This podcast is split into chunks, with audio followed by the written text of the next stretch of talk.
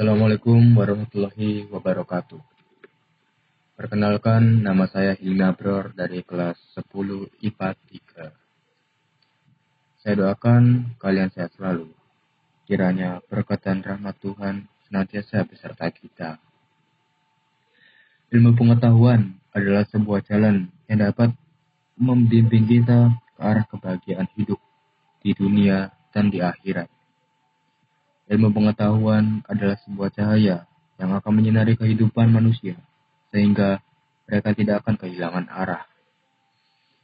Manusia tidak akan menjadi kabur pada saat mereka harus membedakan mana yang benar dan mana yang salah. Dengan ilmu pengetahuan pula, manusia akan mengerti tugas-tugas mereka sebagai makhluk Allah yang diciptakan hanya untuk menyembah kepadanya semata. Atas dasar inilah Allah mengangkat posisi dan derajat manusia yang mempunyai ilmu pengetahuan ke dalam posisi dan derajat yang lebih tinggi di dunia ini sekaligus di akhirat kelak. Ya lahun la sina amamu minkum wala sina utu ilma derajat.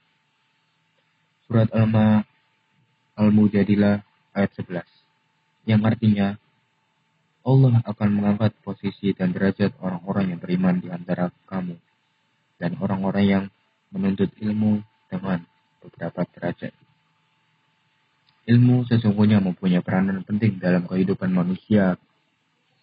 Kita tidak akan hidup lebih baik tanpa adanya peranan ilmu. Maka dari itu, marilah kita gunakan kesempatan hidup di dunia ini dengan mempelajari ilmu. Sebab Ilmu bagaikan laksana sebuah cahaya yang akan menerangi kita di saat kita berada dalam kegelapan.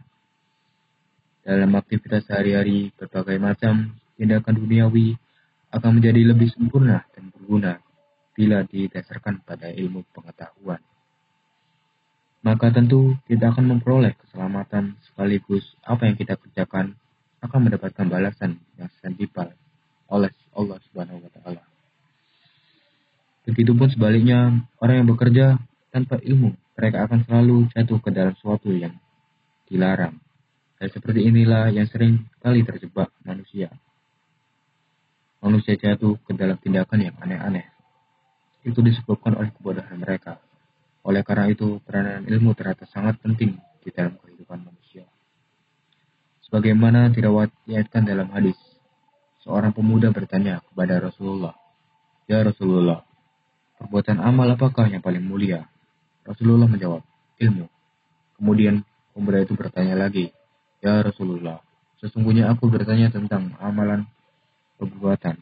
Sebelum sampai pertanyaan itu, Rasulullah menjawab, Allah tidak akan mau menerima amal perbuatan manusia kecuali yang didasari pada ilmu. Sebagai kesimpulan, maka jadilah manusia yang terpelajar dan sebagai orang yang belajar atau sebagai pendengar ilmu dan orang yang mencintai ilmu. Tapi janganlah kamu menjadi orang yang kelima, yang hasilnya adalah kamu dalam rugi dan kerugian.